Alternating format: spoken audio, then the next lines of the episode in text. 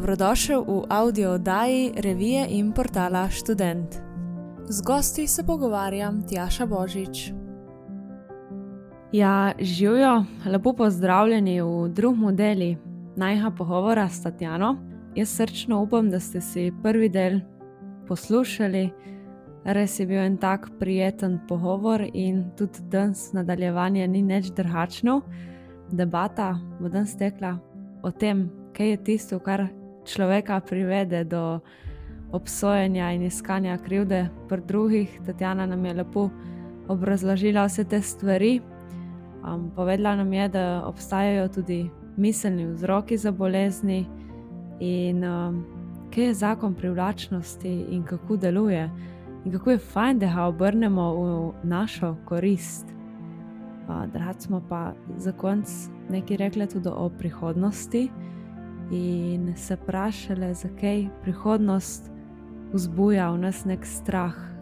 Konec koncev je res fajn, da živimo v tem trenutku, ker zdaj živimo, zdaj kreiramo in uh, tudi cilj ni tako pomemben, ampak je bolj pomembna pot, ki jo prehodimo do tega cilja. Skratka, jaz vam želim, da ste zdaj neklih na vam ljubem kraju, v meri, sproščeni in da se prepustiste in uživate v tem pogovori. Kaj pa, če se vrtimo v krogu in krivdo iščemo zmeri pri drugih, sam pri sebi je? Ja, zdaj, zdaj človek, ki ima zelo izraženo močno vlogo žrtve, človeka boste prepoznali potem, da s prstom zmer kaže na, drugo, na druge. Ne? Se pravi, tisti najbolj zviti pa bojo situacijo na koncu izopeljali tako, da boste krivi in hrdi vi, čeprav je resnica recimo popolnoma drugačna. Um, običajno je tako, da se nam določene situacije ponavljajo v življenju, dokler ne ozavestimo vzorca in ljubeče ne spustimo tega od sebe. Uh, bom pa tle popolnoma iskrena, ne? tu ne gre čez noč. Tle je treba vključiti ogromno potrpežljivosti, ustrajnosti, vire, zaupanje, prodanje, predanje treba biti tem procesom. Ne? Se pravi, um, soočiti se je potrebno z dostmi svojimi omejitvami, strahovi in blokadami. Ne? Vsi jih imamo v sebi. Uh, tudi, če ni nobene garancije za uspeh in za našo delo. Um, to je res vsakodnevno učenje.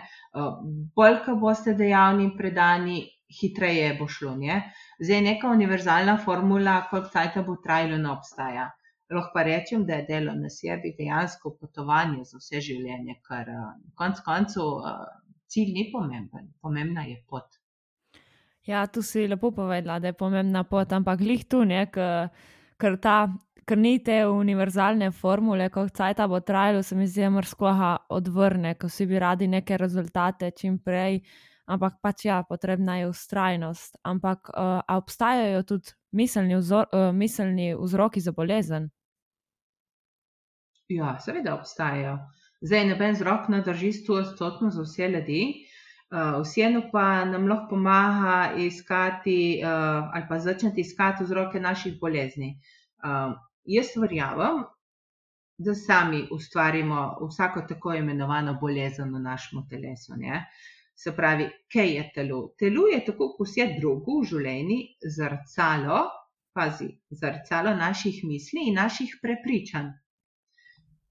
Če ga slišimo, nam telo neprestano govori. Če si le vzamemo cvet in mu prisluhnemo, ne? vsaka celica našega telesa se odziva na vsako našo misel in na vsako našo besedo, ki jo izrečemo. Dobesedno vibrira, ne? to je vibracija. Ne? In Dolgotrajni načini mišljenja in govorjenja ustvarjajo telesne drže. Recimo, eni so sključeni, eni so pokončni, eni imajo povešena ramena. Uh, poleg tega, da se ustvarjajo različne telesne drže, uh, to vpliva tudi na bolezen in pa na zdravje. In recimo oseba, ki ima stalno namrščen obraz, in tako se ga vidi že po gubicah, tle gor med obrmi, mm. uh, ima tudi, recimo, si lahko misliš, da ta oseba, ta zga namrščenega obraza, ni ustvarila z radostnimi in z ljubečimi mislimi. Ja. In recimo telesa in obrazi nekaterih uh, starejših ljudi lahko prikazujejo, kakšne miselne vzorce so imeli v življenju skozi življenje. Ne? Tako da zdaj se pa dajte vprašati, kakšni boste, kakšni bomo, ko bomo starejši. Ja, ful dobro, ful dobro um, vprašanje za razmislek. Ampak, če recimo začnemo, tako da gremo po vrsti, če začnemo zgoraj pri miselnih um, vzrokih, kaj predstavljajo recimo naša ušesa? Ja, z ušesi slišimo, se pravi, ušesa predstavljajo zmožnost slišati.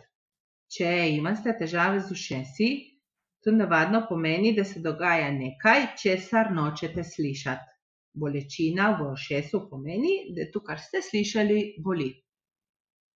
Hm. Bolečine v ušesih, kot sama veš, recimo, so zelo pogoste pri otrocih. Vse mhm. po, kar si starejši, ni nekih težav, ampak ja, pri otrocih je to precej pogosto. Zakaj? Zato, ker morajo poslušati stvari, ki jih nočejo slišati. Ne? Tudi ona preprosta, da je pospravi sobo, da je naredi tu, da je bežite. To, to je vse energijsko, ki se poletelo uh, odzove. Ne? Se pravi, um, domača pravila otroku pogosto prepovedujejo, da bi izražal jezo, ker preprosto pravila je treba v Boga. In, in, in ker je otrok, je dejansko še nezmožen da bi ta pravila malo spremenil, ali pa mu niti starš ne dopušča spremeniti pravil. In pol, kaj naredi otrok, ja, ustvari bolečino v šestih, ima tu njene lošč, ne? tu, se zgodi proces, energijski proces, ki pripelje pač do, do, do tega, da, da organ v ušesu oziroma pač vse to uh, ošibi. Ne? recimo gluhota, predstavlja dolgotrajno, dolgotrajno zavračanje, da bi nekoga poslušali. Ne? Ali pa če ima eden v partnerstvu težave s sluhom, pomeni, da eden je dominanten, da stalno govori, govori, govori, in pa sam kima. Recimo, Joj, ha, zanimivo. Kaj pa oči, recimo? Ja, z očmi vidimo, se pravi, oči predstavljajo zmožnost videti. Kadar imamo težave z očmi, to pomeni ponavadi, da nečesa nočemo videti v nas, v nas samih ali pa v življenju, ne bo to sedanje življenje, preteklo ali pa prihodnje. Ne? In recimo, kadar vidimo otroka z očali, uh, lahko predpostavljamo, da se nekje v njihovem domu, nekje v njihovi okolici, pač nekje, kjer se zadeva njega, dogaja nekaj, česar on noče gledati. In če ne mora spremeniti dejanja, pa si bo poslabšal vid. Zakaj? Zato, da mu stvari ne bo treba videti tako jasno. Hm. Ja, kaj pa, če gremo potem naprej, naslednji, recimo hrb, hrbet. Ja, dosti ljudi ima težave s hrbtom. Hrbt je v bistvu naša opora. Um, težave s hrbtom navadno pomenijo, da čutimo, da nam uh, v življenju manjka opora. Ma, Tu, tu so tudi naše misli, tiste, ki nas prevedijo do tega. Se pravi, prepogosto mislimo, da nam oporo daje samo naša služba ali pa naša družina ali pa naš partner. V resnici se niti ne zavedamo, da nam vso oporo daje vesolje, življenje samo. Tlej, uh, doskrat ni tle zaupanja v življenje. Ne? In uh, z bolečinami, recimo v spodnjem delu hrta, je tudi uh, povezan, recimo, denar, misel na pomanjkanje denarja. Uh, ker dosti ljudi misli, recimo, da je denar najpomembnejša stvar na svetu in brez njega ne bomo mogli živeti. Ma, tu ne res. Ne? Se pravi, obstaja nekaj zelo dosti pomembnejšega in zelo bolj dragocenega, brez česar za res ne bomo mogli živeti. Mogoče veš, kaj je tudi jaša. Čakaj, bom pomislila, kaj bi lahko bilo. Zdaj, recimo, um, dihanje je ena taka stvar, ki mi pade na misel. ja, prav. Se pravi, tu je naš dih. Dih. Dih je najdragocenejša, največji zaklad, največji milijon na našem računu, v našem življenju. In, in, in, in vendar se nam, recimo, v izdihu zdi samo po sebi umnevno, da nas naslednji vdih že čaka. Ne? Če ne bi ponovno vdihnili, bi v treh minutah umrli. Ne? In zdaj, zdaj poslušaj to. Se pravi, če nam je sila, če, nas, če nam je sila, ki nas je ustvarila, podarila za dosti sape, za dosti vdihov, za vse življenje, zakaj ne bi verjeli, da bomo dobili tudi vse druge stvari, ki jih pač potrebujemo? A? Ja. Zanimivo vprašanje. Zdaj, eh, recimo, ena taka je tudi PMS, predmenstrualni sindrom, zdaj, tle, če se zbaziramo, malo na ženske, da si moški oddahnejo. Recimo, pred, predmenstrualni sindrom uh, je dosegel dimenzije epidemije, če se lahko tako izrazim. Se pravi, PMS narašča hkrati z naraščanjem ekonomske propagande. Se pravi, kaj to pomeni? Reklame nam dan za dnem ucepljajo v glavo, da se mora ženska dišavati, pudrati, mazati, tuširati in čistiti na sto in en način, da bi postala vsaj za silo sprejemljiva. Ne? In vse to skupaj ustvarja plodna tla za PMS. Ker si videla, ne vem, milijon reklam za moškega, razen za Old Spice in za britvice. Ja, ne, nisem. Vse ne obstaja. Te tisoč reklam je za ženske, ne? intimna nega in eno, in gor in dol, in britje, in ne vem, kaj še vse. Um, Zavedati se je treba, da so vsi ženski procesi z menstruacijo in tudi z menopauzo urijeti normalni in naravni. In kot take jih mora ženska sprejeti. Ne? Naša telesa so čudovita, so veličastna, dejansko so čudežna. Ne? Dajmo tu še enkrat ponoviti. Naša telesa so čudovita, veličastna in čudežna. Dajmo se tega tudi zavedati. um. Ja, res je. Tako se zahvaliti. Uh, pač, uh, ni, ni samo umnevno, da imamo telesa takšna, kakršna imamo. Je dosti ljudi, ki ima take in drugačne hibe. Recimo, Mi imamo roke, noge, slišimo, vidimo, mm -hmm. tega se vse premalo zavedamo. Ne? Kaj pa, recimo, če gremo naprej na pljuča? Ja, pljuča so, recimo, s pljučami dihamo zelo plitko ali pa zelo globoko. Ne? Se pravi, s pljučami sprejemamo, z njimi imamo možnost sprejemanja in pa dajanja življenja. Ne? Zdaj, eni zelo plitko dihajo, zelo plitko sprejemajo življenje, eni pa življenje sprejemajo zelo globoko, tudi z vdihom se to uh, dostkrat vidi. Um, težave s pljuči, kakšne pljučnice in take stvari, pa ponavadi pomenijo, da se bojimo sprejeti življenje. In mogoče tudi morda, da v določenih obdobjih življenja čutimo, da nimamo pravice, da polno živimo. Um, zdaj, tu ne velja več tako, da ženske že po sami tradiciji bolj plitko dihajo, zato ker so se imele, mogoče pa še izmed njih se še zmeraj imajo dobesedno za drugorazredne državljane, kot da ne bi imele pravice zauzemati tega prostora, ne moški peljejo svet naprej. Mm. Včasih so celo ženske, oziroma se dogaja, da obstajajo še celo ženske, ki, ki mislijo, da nimajo pravice, da živijo. Ne? Ma zdaj se vse to tudi spremenja. Ženske zauzemajo svoje mesto, polnopravnih članov družbe in dihajo polno in globoko. Da, ja. um, recimo napihnjeno sploč in pretirano kajenje sta načina zanikanja življenja se pravi, prikriva ta globoko občutek, ki ga nosimo v sebi, da nismo vredni življenja. Zdaj, navade kajenja ne bomo spremenili s tem, da se oštevamo, ne le kašna pa si kadiš ali sami sebe, ali da nas do drugo štejenje. Uh, najprej moramo spremeniti naše temeljno prepričanje uh, do življenja, do odnosa, do tega, da pač živimo in tu smo. No. Ja, fulj zanimivo. Zdaj smo enih, mislim, si povedala, enih takih mislim, dejstev, enih informacij, um, da se lahko človek kar konkretno zamisli ob njih. Um, ma kaj pa je zakon privlačnosti in kako ta zakon deluje? Um, zdaj, zakon privlačnosti je najmočnejši in najmočnejši zakon v vesolju, bi lahko rekli. V vsem, kar je, kar je bilo in kar kdajkoli pač bo. Uh, se pravi, Kaj pravi zakon privlačnosti? Zakon privlačnosti pravi, da se vse enako med seboj privlači. Se pravi, domneva, da se nasprotja med seboj privlačijo, ne drži, ker recimo ista vrsta ptic leti v kop. Ne? No, in potem nam ta isti zakon pove, da vse, kar prihaja v naša življenja, privlačimo mi sami. Virtualne podobe, ki jih držimo v svojih mislih, so tiste, ki vse to privlačijo k nam.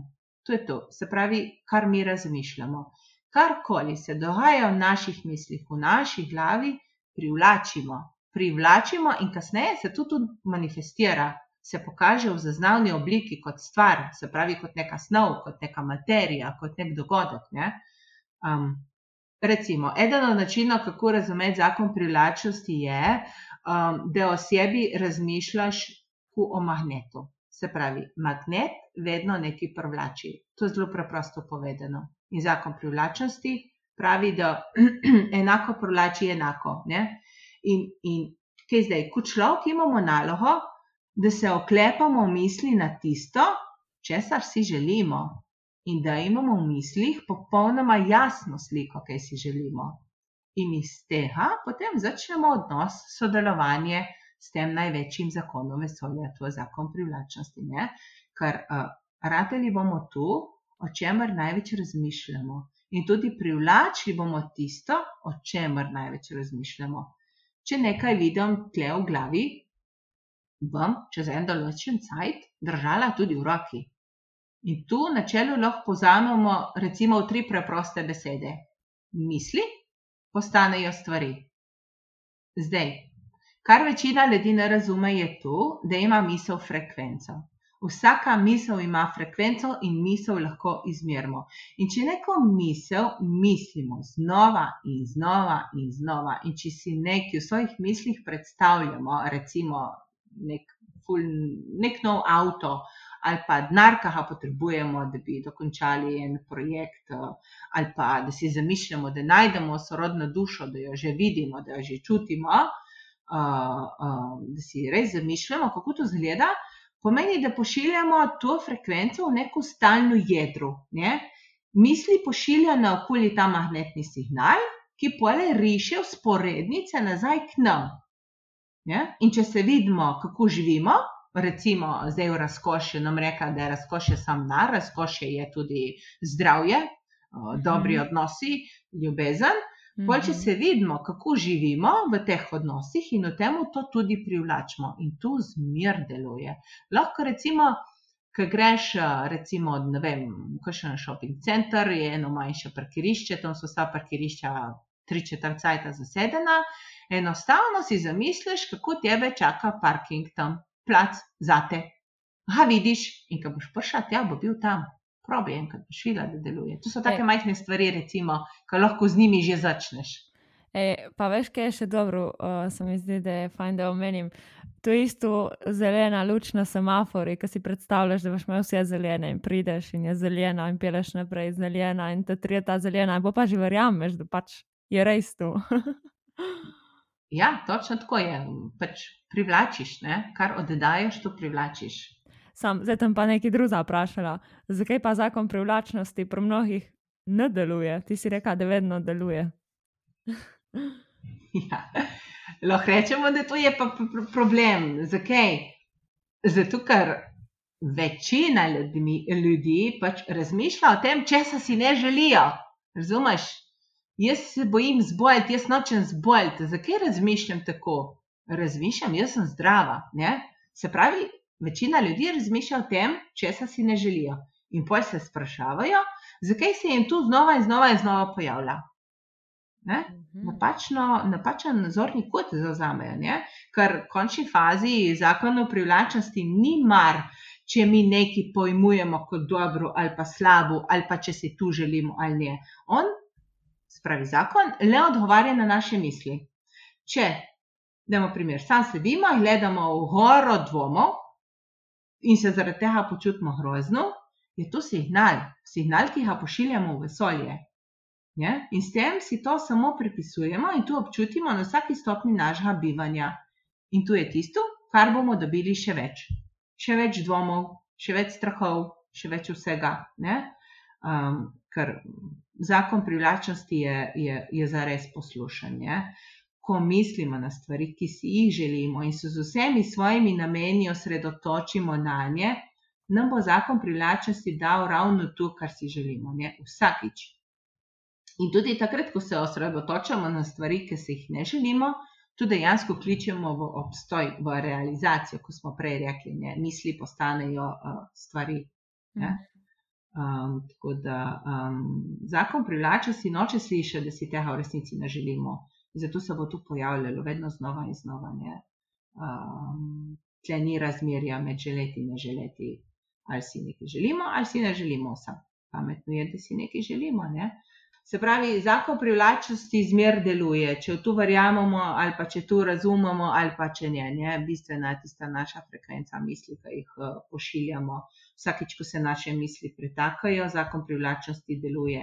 In ko razmišljamo o preteklosti, o sedanjosti ali pa o prihodnosti, uh, zakon privlačnosti deluje. Vedno deluje. Ja, to je, ja, seveda deluje. Uh, to, to je en tak proces, ki se skozi odvija, če ne pritisnemo na stikalu, na pauzo ali pa na stop. Uh, ampak ta zakon privlačnosti je non-stop v delovanju, non-stop se odziva. Uh, Lih tako kot naše misli, mi stalno nekaj vrtimo v glavi, ne? ustvarjanje se zmer dogaja. In vsakič, ko se posameznik porodi misel ali ko ne nekno če, o nečem razmišlja, je v, v ustvarjalnem procesu. Ne? In iz teh misli se bo prej slej nekaj uh, manifestiralo. Ne? Uh, zavedati se moramo, da najprej je bila misel na nekaj. Ne? Um, nekaj, kar nam je zdaj samo umnevno, je bila nekoč od nekoga samo misel, ne? ki jo je kasneje odejanil, se pravi, iz misli v roke. Uh, zakon privlačnosti pravi, dobili boste, karkoli rečete, oziroma tisto, na kar se osredotočate. Če se torej pritožujemo, kako nam je slabo, ali pa kako smo bohi in kašni, bomo avtomatsko ustvarjali še več slaba, ne sej smo magnet. Dajmo reči, kako nam je fajn, kako nam je lepo. Um, ja. Ful enih stvari, ful uh, takih informacij si povedala. Kakšen zaključ bi lahko naredila zdaj iz vsega tega povedanega? da je premalo, da se zavedamo, da je vse, kar imamo trenutek zdaj, ta moment. V tem delčki sekunde, ki ga ravno kar doživljamo, ni nič drugega kot zdaj. Ne? In zdaj se popolnoma zavedam, kje sem, kje sedim, recimo, kje počivajo moje roke, kako so postavljene moje noge. Ne? In ko tako prevedem misli v svoje telo, v ta trenutek, pomeni, da sem v tem trenutku tudi prisotna. Ne? Vse ostalo pa je behanje med preteklostjo in prihodnostjo. Ne? Se pravi, um, kadar smo v tem trenutku zdaj prisotni, lahko kreiramo. In v tem trenutku zdaj ni neke boleče preteklosti, ki bi nas silila, da smo nezaupljivi, in tako je minila. In ključno je, uh, da ni prihodnosti. Zato, ker uh, prihodnost uh, v nas vzbuja strah, veš. Ampak zakaj pa prihodnost v nas vzboja strah? Uh, zato, ker uh, se po eni strani je logično, zato ker prihodnosti ne moremo nadzorovati, ker vnaprej nikoli ne veš, kaj se bo zgodilo. Ne? Lahko predvidevaš, ma predvidevanja se ti lahko porušijo. Um, kadar smo v trenutku zdaj, takrat kreiramo in ustvarjamo. In to kreiranje, kot sem že prej rekla na začetku, nas dela žive. Uh, recimo, kreiranje, ustvarjanje je tudi, tudi grem s kolegico na kavo. Recimo, Prihodnost pa je v bistvu čas, ki šele prihaja in pazi, nikoli ne pride. Zakaj ne pride? Zato, ja, glej, zato ker takrat, ko pride, se spremeni v sedanjost. Se pravi, prihodnosti nikoli ne moremo ne ujeti, ne se jo naužiti in ne jo občutiti. In, in glih zaradi tega nas tako rada nadaja strahom, ker res ne moramo vedeti, kaj se bo zgodilo jutri. Lahko predvidevamo, lahko si želimo, tu je pa tudi vse. Ne? Pred enim letom je recimo bila prihodnost današnja sedanjost. Ne? In zdaj se dajte vprašati, pa dajmo se vprašati, kako jo živimo. Dajmo se vprašati, kaj smo počeli takrat, da danes živimo tako, kot živimo. Ne? In če se bomo potrudili, in bili prisotni in kreirali tisto, kar je dobro za nas, bomo čez eno leto precej boljše in precej bolj mirno živeli. Veš? Wow, sem ostala kar mal brez besed, vsem povedanem. Veš, ful sem uživala danes v najnem pogovoru in hvala ti za vse to. Res, jaz ti želim ogromno uspeha na tvoji poti, miru, zadovoljstva in radosti, prav tako pa tudi vsem vam, dragi moji, oziroma dragi naši poslušalci. Um, Tatjano najdete na njeni spletni strani bom tudi polinkala v opis uh, ali pa na Facebook profilu. Um, ne pa še enkrat povdarim, sami si kreiramo življenje in dajmo si ga skreirati tako, da nam bo lepo. Tatjana, hvala še enkrat. Hvala, Tjaša, tudi tebi za povabilo. Je bilo res slušno, me veseli. Lajkaj, šeraj, komentiraj. In nam povej, kaj bi rad slišal v prihodnih audio oddajah. Ideje lahko najdeš v reviji Student in na spletnem portalu www.student.com.